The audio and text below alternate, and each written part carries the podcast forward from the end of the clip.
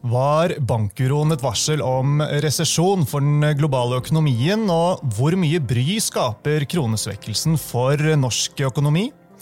Dette og mer til skal vi diskutere i dagens episode. Makroanalytikerne i DNB Markets er nemlig ute med en rykende fersk rapport om økonomiske utsikter.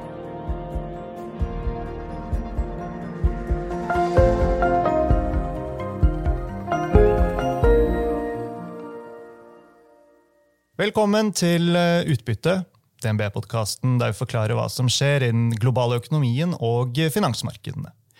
Jeg er Marius Brun Haugen, og med meg har jeg makroøkonom Knut Magnussen og Oddmund Berg. Velkommen, begge to. Takk, takk. Takk for det. Ja, Knut, når vi uh, satt her da dere la fram uh, de økonomiske utsiktene i januar, så var hovedbudskapet i all sin enkelhet at det blir brems i den globale økonomien men ikke dramatisk. Og siden den gang så har vi hatt en runde med bankuro, som eh, nok de fleste vet. Eh, men Kina er i gang igjen, folk har fortsatt jobb, og det er fart i eh, tjenestenæringene flere steder rundt om. Er det samme bildet dere tegner nå, eller har forventningene til global vekst endret seg mye siden januar? Nei, Det korte svaret på det er at uh, vi har uh, endret lite. Uh, vi ser for, fortsatt for oss at det blir et relativt svakt år globalt sett i 2023. Men tross bankuro, i, særlig i USA, så har vi ikke nedjustert bildet så mye for den amerikanske økonomien. Og i motsatt retning så har Europa greid seg litt bedre enn ventet. Storbritannia, der avlyser vi resesjon. Eh, så samlet sett så ser det sånn sett eh, ut som omtrent det samme bildet. Mm. Så en eh, global vekst på 2,7% i år, er det det? Men bare 1% av dette er industrilandene, eller, eller Vesten? vel? Ja, industrilandet øker med 1% fremvoksende med 4 Så det er store vekstbidraget kommer fra Kina og fra andre fremvoksende økonomier. Så Sånn sett så er vi tilbake i det mønsteret vi hadde før pandemien, hvor det var eh, nettopp de økonomiene som dro mye, mens de eh, hva skal si, rike vestlige økonomiene ikke egentlig bidrar så mye til den globale eh, veksten. Mm. For Norge, da, Oddmund, altså I sum så har vel økonomien holdt seg litt på den sterke siden i forhold til hva vi forventet ved starten av året. Altså, hva, hva er vekstforventningene nå? Ja, det er riktig som du sier. Det har vært eh, en eh, forholdsvis bra start. For, I hvert fall for det vi har tall for så langt. Eh, med god vekst i, i både januar og februar. Og så har vi fått noen oppjusteringer av, av historien også. sånn at når vi skal tegne vekstbildet for 2023, så starter vi jo ut på et litt høyere nivå. og Selv om vi har en, en liten utflating av veksten og kanskje også en nedgang i andre kvartal, så, så blir eh, veksttallet eh, oppjustert ganske kraftig i, denne runden. Altså opp til 1 eh, vekst. Mm. Men eh, det er jo én ting som uh, det har dreiet seg om uh, ja, de siste månedene. altså Den svake kronen det har liksom preget uh, markedsbildet, avisoverskrifter og rapporter. altså Du legger til grunn at kronesvekkelsen den vil vare. hvorfor det? Ja, det er, eh, det er, vel egentlig den største fundamentale endringen vi gjør eh, siden januar med tanke på hvordan vi ser på norsk økonomi. Nemlig det at vi tror denne kronesvekkelsen, som har truffet oss veldig hardt i begynnelsen av året og egentlig helt siden i fjor høst, kommer til å vare ved. Eh, vi tror nok ikke på en ytterligere sterk svekking, men, men det er en del av de faktorene som vi mener har drevet fram svekkelsen, som ikke ser ut til å skulle endre seg. Og da tenker jeg på renteforskjeller. Det er ikke utsikter til at vi skal få noe nytt rentepremium i norsk økonomi sammenlignet med utlandet i banene som vi tegner opp. Eh, I tillegg så er det jo en del av denne usikkerheten som preger litt markedet nå. Man er på vei inn i resesjon flere steder.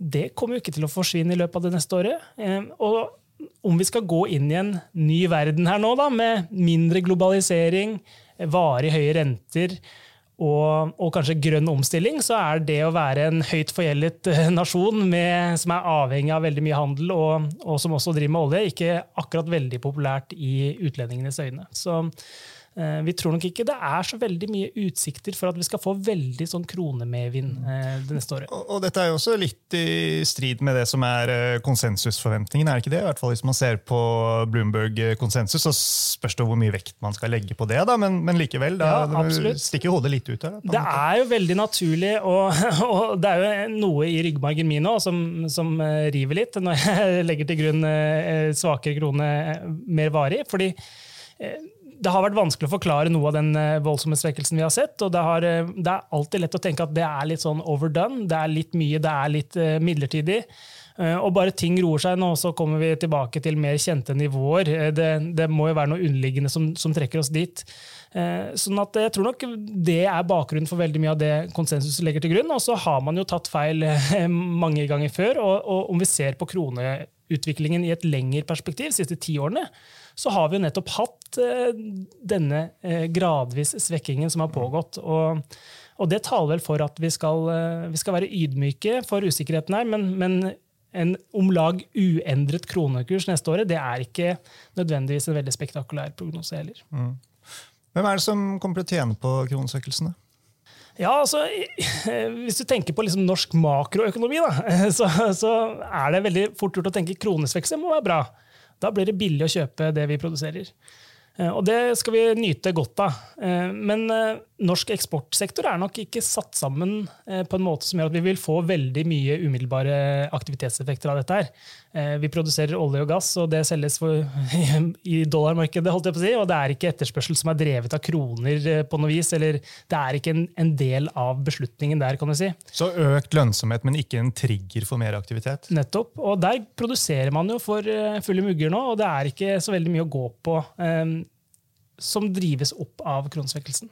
Og Samme kan du egentlig si for en god del av den andre industrien vi har. Eh, Det er kapitalintensivt, det er energiintensivt, det tar lang tid å bygge ut kapasitet, og vi er på en situasjon i norsk økonomi nå hvor man produserer eh, for fullt. Det er vanskelig å få tak i flere folk. Vi ser ikke for oss at en kronesvekkelse skal gi veldig mye mer sysselsetting eller aktivitet. Men som du sier, bedre lønnsomhet. Um, Så er det selvfølgelig også noen deler av norsk økonomi som er følsomt for svakere krone. Turistnæringen. Vi har jo allerede hørt at kineserne har kommet tilbake. eh, Og vi tror nok det er mange som vil feriere i Norge i sommer og utover året. Slik at vi får deler av kall det tjenesteeksporten, da, som, som vil gå ganske bra, og merke en, en nesten umiddelbar effekt av kronesvekkelsen. Um, Men motstykket til alt dette er jo at vi importerer veldig mye i Norge. Mye av forbruket vårt er importert. Veldig mye av det vi produserer, har en høy importandel. Slik at selv om du får eh, kanskje litt bedre betingelser på eksporten, så, så får du også økte kostnader. Så husholdningssektoren her taper jo kjøpekraft. Det er dyrt å reise til utlandet. Det blir eh, mer attraktivt å feriere, feriere hjemme, men, men eh, vareprisene vil trolig få et påslag som følge av at kronen holder seg svak. Eh, og vi ser jo for oss da totalbildet for inflasjonen egentlig er at vi får litt høyere prisvekst her hjemme, Mm. som følge av at kronesvekkelsen er varig. Ja, Vi skal jo komme tilbake til øh, renten og inflasjonen etter hvert. Men, liksom, men, men skaper det mer bry? Altså, øh, det var det spørsmålet du stilte innledningsvis. Ja, eh, man får jo litt sånn eh, følelse av at eh, særlig da de som eh, er glad i å reise utenlands og glad i import, eh, de, de opplever dette som svært problematisk. Eh, Og, og det, det er nok riktig. Samtidig så må vi være ydmyke for at en svakere krone har hjulpet oss, har hjulpet industrisektoren, har gjort oss eh, delvis konkurransedyktige til tross for et ganske høyt kostnadsnivå. og eh, Totalt sett for norsk økonomi så er det ikke sånn at om kronen svekker seg litt, så er det utelukkende positivt eller utelukkende problematisk. Her skjer det litt vridningseffekter, her skjer det litt forskjellige eh, ting. Noen rammes, eh, noen nyter godt av det. Ja. Ja, vi, vi får bare skrive om det der gamle sitatet. da, Knut. Det er ikke lenger deilig å være norsk i Danmark, det er, det er deilig å være dansk i Norge. Ja, det kan vi gjøre. Ja, ja. Du, eh, jeg tenkte vi skulle gå innom et par eh, aktuelle eh, punkter. Hoppe litt mellom Norge og det globale, altså særlig amerikansk økonomi, da, siden har dere her begge to. Så vi håper at alle henger med på at vi hopper litt sånn frem og tilbake. Det er jo noen sånne fellestrekk også, enten man ser på norsk økonomi eller den amerikanske. Det ene er at det har vært ganske sånn markerte forskjeller mellom fart eller forventningene i industri- og tjenestesektoren både i USA og det, det, det, samme har vi vel sett her hjemme også. Kommer det til å fortsette? Um, og da tenker jeg særlig på, på amerikanske, amerikanske økonomien. Ja, det, altså det, det, ser ut som eh, industrien bremser opp uh, i USA. Det er kommet noen svake tall fra industrien. Eh, tjenesteyting har holdt seg bedre oppe. Eh, og Det er noe vi ser mange steder. og Jeg, tror noe av dette har, er rett og slett ettervirkninger av eh, pandemien. Vi hadde veldig sterk etterspørsel etter varer en periode. Det nøt industrien godt av. Nå har på en måte det gått litt over, og etterspørselen etter tjenester har kommet tilbake igjen for fullt. Så Derfor har vi den vridningen. Så er det også noe syklisk i det, antageligvis. Eh, industrien er det gjerne den som bremser opp eh, først. Eh, og derfor så peker liksom mange resesjonsindikatorer peker nå i retning av at det kommer til å bremse mer i amerikansk økonomi, fordi industrien allerede har bremset opp. Ja.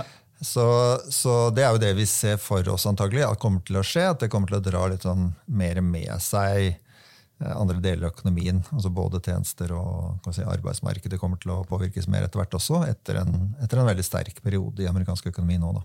Mm. Husholdningene var en periode i fjor uh, her hjemme, men også i uh, USA, uh, ganske så negative når de ble spurt om forventningene til fremtiden. Det er de vel fortsatt, kanskje ikke like negative som de var på et tidspunkt. Men, men, de har fortsatt jobb. de har litt igjen av disse berømte oppsparte pandemimidlene. ja, det hjelper vel? Ja, de, ja, de, nei, altså de er de er nok fortsatt eh, negative, men, men, som du sier, det er noen grunner til at økonomien likevel har gått såpass bra som den har gjort. Men sparepengene varer jo ikke evig. Definitivt eh, ikke. Og økte rentekostnader slår eh, gradvis mer og mer inn i økonomien. Det tar tid i USA, fordi det er veldig mye fastrenter. Men eh, det er jo nye folk som skal inn i boligmarkedet. Det er noen som etter hvert må flytte. Det, er, altså, det kommer noen gradvise effekter her. Og, og, det kommer via bankene, ikke minst. Og der har vi jo sett allerede at bankene har begynt å stramme inn på utlånsvilkår. Både for næringsliv og husholdninger. Og den bankuroen vi så i eh, mars, som særlig da er konsentrert om de små regionale bankene, den eh, venter vi kommer til å få større effekter fremover. Og det er jo veldig mange av de små bankene i USA, eh, og de har mye å si for, eh, for eh, småbedriftene rundt omkring i landet. Så det er rimelig å tro at det kommer til å synes mer i tallene fremover. Mm. Mm. Normaliseringen av hvis vi kaller det det, av Kina. Vi skal ikke bruke veldig mye tid på det, men hvor mye har det å si at de på en måte er tilbake for den globale økonomien? Og Det tror jeg absolutt har mye å si. Det, altså vekstbidraget fra Kina er stort. Det er definitivt det største eh, av noe enkeltland. Selvfølgelig både fordi det er en stor økonomi, men også fordi veksttakten nå er tilbake på over 5% i år. Eh, så det gir et eh, en, en, solid, en solid bidrag inn i verdensøkonomien. Og demper jo da risikoen for mer, en, en mer global resesjon. Eh, og Kina drar jo liksom med seg eh, andre land i Asia også. Vi ser jo, ser at det går bedre. Vi ser også at det går bedre i Japan, eh, f.eks. Så, så det, er, det, er, litt mer hold i, i den globale økonomien når asiatiske økonomiene leverer, og særlig Kina. Mm. Og For Norge Oddmund, så er det vel positivt hvis kineserne etterspør mer olje og på den måten skal de si, bidrar da, til å begrense i hvert fall, om vi skal kalle det, nedsiderisikoen da, knyttet til oljeprisen? Helt klart. Det gir en, eh, det gir en stødig grunnetterspørsel, det. Og, og, om man ser på oljeprisprognosene som, som, vi også har kommet med fra DNB her, så er jo det en mer positiv eh, sak for, for, norsk økonomi også, med, med litt høyere oljepriser litt lenger fremme der. Mm. Så har vi litt mer sånn der, eh, langtrekkende ting, eh, store skifter. Vi har liksom spenningene mellom eh, Kina og eh, USA. Vi har ja, Russland, Ukraina-krigen. Vi har alt dette rundt handelshindringer og disse tingene her. Ikke det vi skal gå veldig mye inn på i dag, men er det noe dere adresserer i rapporten? Eller blir det på en måte for vrient å knytte konkrete tall på dette her, fordi dette er sånn store endringer som skjer over lang tid? Uh? Ja, det mest konkrete vi gjør, og det, det, gjorde vi jo veldig tydelig i januar, det var å si at inflasjonen vil være høyere når vi ser fremover i tid, enn det vi hadde før pandemien. og, og en viktig grunn til det er nettopp disse deglobaliseringseffektene eh, som vi nå ser. Eh, så vi får, eh, får ikke dette liksom, vedvarende draget nedover på særlig vareprisinflasjonen, som vi hadde en lang periode etter, etter finanskrisen. Og i tillegg så har vi dette grønne skiftet, som også gir kostnadsimpulser inn mot inflasjonen osv. Så, videre. så Så, så der, der, mener vi at vi er ganske tydelige. Men, men ellers så har vi ikke endret eller justert noe syn på disse tingene uh, fra januar. Det har vi ikke. Nei. Men inflasjonen var egentlig et uh, greit uh, stikkord. Altså når du ser inn i resten av året og inn i 2024, skal den fortsette å komme ned? Korte svaret ja. Den skal ned, og særlig fordi det kommer sånne såkalte baseeffekter inn ja. for fullt utover i dette året her, fordi vi hadde så sterk inflasjons... Så da er det til hvilke nivåer, da? Hvor ja, er det det? Og da sier vi at vi skal godt stykke nedover, men uh, hovedpoenget vårt er at uh, vi tror at sentralbankene vil slite med å komme helt ned til inflasjonsmålene. Så vi har jo typisk sånn eh, rundt 3 etter hvert for, for, de viktigste økonomiene. og det vil, det vil, være for høyt i forhold til dagens inflasjonsmål. Så det vil være en utfordring for sentralbankene å gjøre at de ikke kan starte å kutte rentene veldig fort og markert, sånn som man kanskje var vant til tidligere. Mm. Og med lønnsforhandlingene her hjemme frist i minne, Oddmund. Eh, det er vel rimelig å anta at inflasjonen ikke kommer ned på de ønskede nivåene med det første her hjemme heller? Absolutt. Det, det, kunne være fort gjort å tenke at eh, nei, vi har koordinert lønnsdannelse i Norge, vi har frontfaget, og det sørger for at ting skal gå pent og pyntelig for seg. Eh, men her får vi jo en ramme på 5-2. og og vi hadde en lønnsvekst i fjor på 4,4. Så vi har fått eh, noen lønnsoverraskelser, egentlig. Eh, sånn at vi har løftet prognosene våre for, eksempel, for, eh, for lønnsvekst eh, denne gangen. Både basert på dataene som har kommet inn, og den nye rammen. Men i tillegg så er jo også, som jeg var inne på tidligere, denne kronesvekkelsen en liten bidragsyter her. Det kommer til å være fortsatt god lønnsomhet i frontfaget, trolig, med svakere krone. Og med f.eks hvis du også tar inn f.eks. kroneeffekten på Statens pensjonsfond utland, som er i, i utenlandsk valuta, så, så, gir det også økt eh, finanspolitisk handlingsrom. Og, og, og, og, sånn sett kan man jo se for seg at det er en risiko for at vi vil få høyere lønnsvekst i, i norsk økonomi i årene fremover. Og det vil bidra til å kunne holde et høyt nominelt bilde, altså høy prisvekst, høy lønnsvekst i noen år til. Mm. Ok, eh, så litt sånn eh, summa summarum her, eh, som du sa innledningsvis, Knut. Tror at landingen blir myk globalt. I USA så blir det en resesjon, men den blir mild. Er det det som skjer i bl.a. kjølvannet av bankuroen med innstramning i kredittpraksis etc., som bidrar til dette? Ja, det bidrar til oppbremsingen. Eh, men grunnen til at vi tror den blir mild, det er jo eh, først og fremst eh, husholdningenes situasjon, med fortsatt mye sparemidler, mm. som vi sa, etter pandemien. Men også en veldig lav gjeldsbelastning. De har mye lavere gjeldsgrad enn det de hadde f.eks. For forut for finanskrisen. Så renteoppgangen slår jo også mye mindre ut i USA nå, fordi veldig mange har fast rente på boliglånene sine. Så de, de, tåler rett og slett uh, mer, og vi tror ikke det vil eh, materialisere seg i en sånn mer markert uh, resesjon eller stort tilbakeslag. Men Når er det disse svekkelsene kommer til å vise seg i uh, tallene? Da Er det nå i en eller annen gang i løpet av høsten? Ja, det, det, kan, det, kan, komme si, rett rundt hjørnet at vi begynner å se svakere tall. Vi har kanskje allerede sett noen tegn til det, men det er jo det er noe vi tenker oss kommer til å skje utover, utover høsten. så vi har sagt liksom tredje, tredje, kvartal, At det blir det første kvartalet med, nedgang i Men er BNP. ikke bekymret for mer bankuro, da? Eller eh, at eh, jobbmarkedet skal eh, avta mer enn du legger til grunn, og dermed så, ja, så kan fort eh, eh, landingen bli eh, hardere?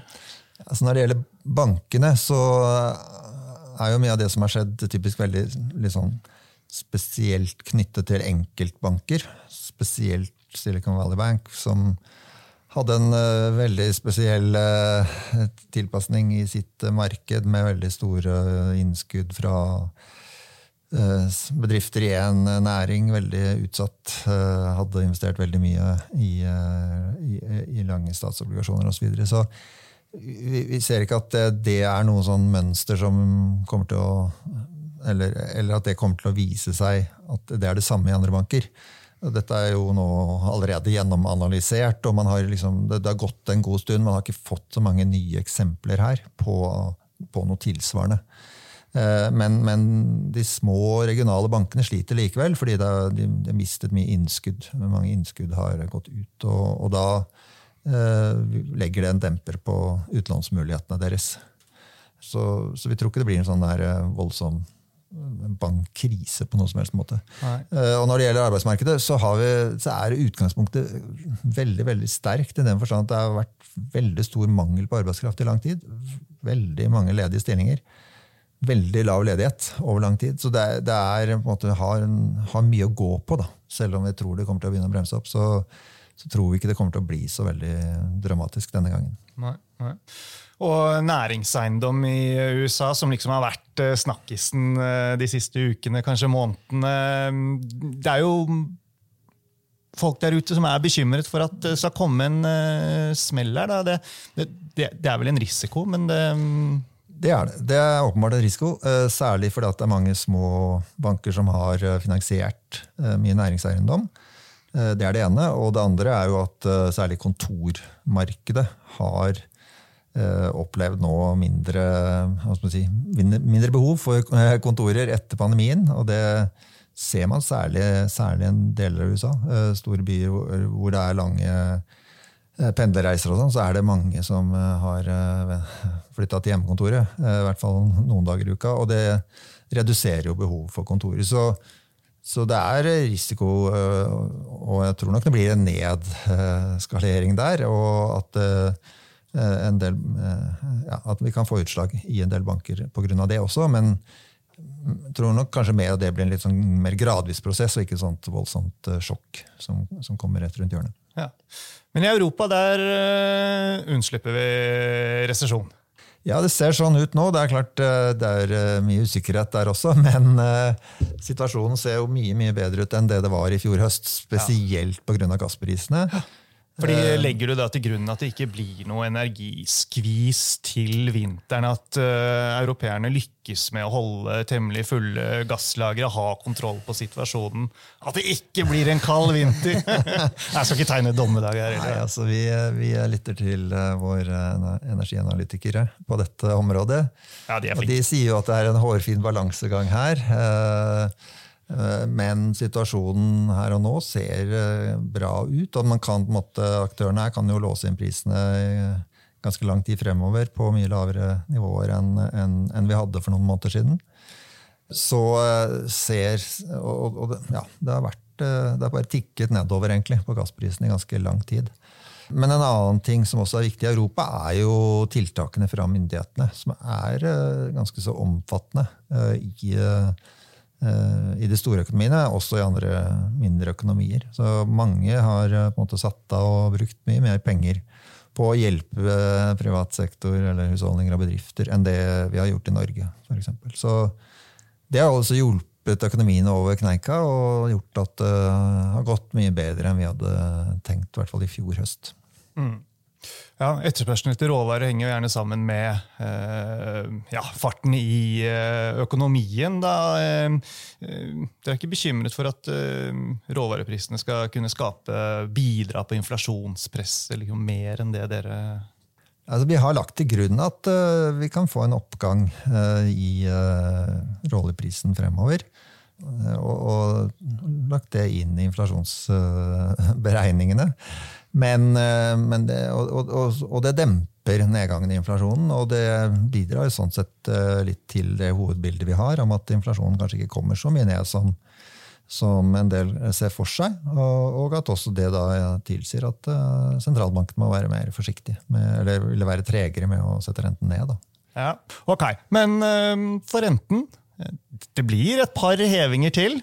Vi skal opp til 5,5% for Fed før vi har kommet til eh, rentetoppen. Ja, vi tror det. Vi stikker hodet litt ut på flere, flere renteprognoser her, og inklusive Fed, for det prises jo bare inn én, og Fed har indikert at kanskje det holder med én, men de var jo veldig usikre på dette her da de sto der i mars, eh, for da var det midt oppi bankuroen. Og nå har det vel på en måte ting roet seg en god del ned, så blir ikke overrasket om de holder på den guidingen de hadde da, og åpner opp for at det kan komme enda en heving i juni. Eh, Når begynner de å kutte det? Nei, Vi tror det drøyer godt ut i neste år, før det blir snakk om rentekutt. Eh, først og fremst pga. inflasjonsbildet. Mm. Men kan de kutte hvis eh, Europa og Storbritannia hever? Ja, det tror jeg de kan. for så vidt. Jeg tror Fed er ganske så selvstendig på det, på det området. og De har ikke noe, heller noe valuta kurshensyn som de tar så veldig mye hensyn til. Eh, så, så der, de, eh, der, der, kjører de sitt eget løp. Så det tror jeg ikke er noe problem for Fed. Men vi ser jo for oss at det kan bli flere hevinger også, eller at det blir flere hevinger også i Europa. Eh, mm. Både fra ECB og Bank of England. Og Bank of England er litt interessant, fordi de sa jo allerede i februar at de tenkte at de var ferdig. Og etter det så har de hevet én gang, og det forventes at det kommer enda flere hevinger. Eh, fra Bank of England. Ja, og I Norge Oddmund, eh, rentetoppen den, eh, den, er ikke nådd her ennå, er den det? Hvor høyt skal renten? Nei, den er ikke det, det. Vi har endret prognosen med 50 basispunkter. Altså, vi har gått fra å ha en topp på 3,5 til 4. Og forventer nå, i tråd egentlig med Norges Bank sine signaler, at det kommer heving i mai og juni. Og så har vi lagt på en forventning om to hevinger til, da, august og september. Eh, og igjen, det her dreier seg jo da om eh, høyere utsikter for både lønn og inflasjon eh, i norsk økonomi i årene fremover. Og det at om du ser på liksom det realøkonomiske bildet, så er det ikke, det er ikke noe kraftig resesjon eller hard landing å snakke om i, i norsk økonomi her.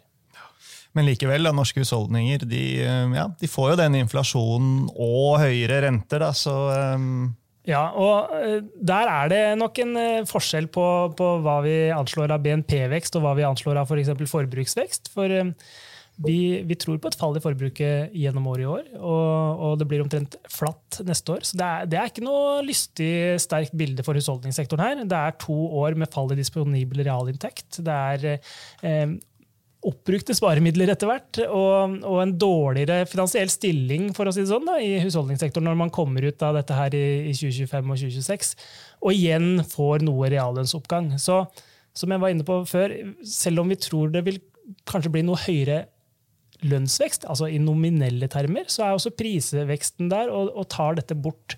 Eh, og Derfor så kommer man ikke så veldig godt ut av det som norsk husholdningssektor eh, de neste to årene. Nei. Men til tross for eh, dette her, så ser du ikke for deg noe særlig smell nedover for boligprisene? Nei, vi, vi, har for så vidt tatt litt feil. Vi trodde det skulle være mye svakere gjennom julesvingen for å si det sånn, da, og på vei inn i året, første kvartal. Det har vært mye sterkere. kom noen endringer i, i i utlånsforskriften og sånt, som, som, gjorde at det var litt mer eh, løsere kredittpraksis, kan du si, har nok støttet opp momentum litt i, i, boligmarkedet. Det er fortsatt lav bygging i Oslo, det er viktig. Eh, det er fortsatt sterk etterspørsel, til tross for at rentene har kommet opp. Og se, om du ser på underliggende tall i boligmarkedet nå, så er det ganske normalt. Eh, og det er liksom rapporten og stemningen vi, vi catcher fra dette, her også, at det er ikke liksom på vei utfor et stup. Eh, så selv om man eh, får noen hevinger til, så tror vi ikke at vi vil få noe kraftig fall. Tror kanskje det blir eh, en svak høst igjen. Da er det jo ofte svakt og litt sånn dystert. Og så, og så vil nok boligprisene være om lag ja, litt positive før det begynner å vokse igjen. Mer som normalt ved utgangen av prognoseperioden. Ok, Myk landing eh, globalt er ikke så gærent eh, det, i forhold til hva man kanskje skulle frykte for et eh, år siden. Kronesvekkelsen den må vi bare belage oss på, altså. At vil vedvare. Ikke forverre seg så mye, men, men, men, men vedvare. Eh, så får vi bare avslutte med da, å si at uh, rapporten, som gir uh, mer utfyllende detaljer på en del av de tingene vi har snakket om nå, og konkrete prognoser og sånne type ting, det er tilgjengelig på DNB sine sider. Man kan bl.a. gå inn på dnbalfa.com, så finner man rapporten og mer til lett tilgjengelig der, hvis man ønsker det. Så da får jeg bare si tusen takk til dere begge for at uh, dere kom og ga oss en uh, oppdatering. Og sist, men ikke minst, tusen takk folkens til uh, alle dere som hørte på.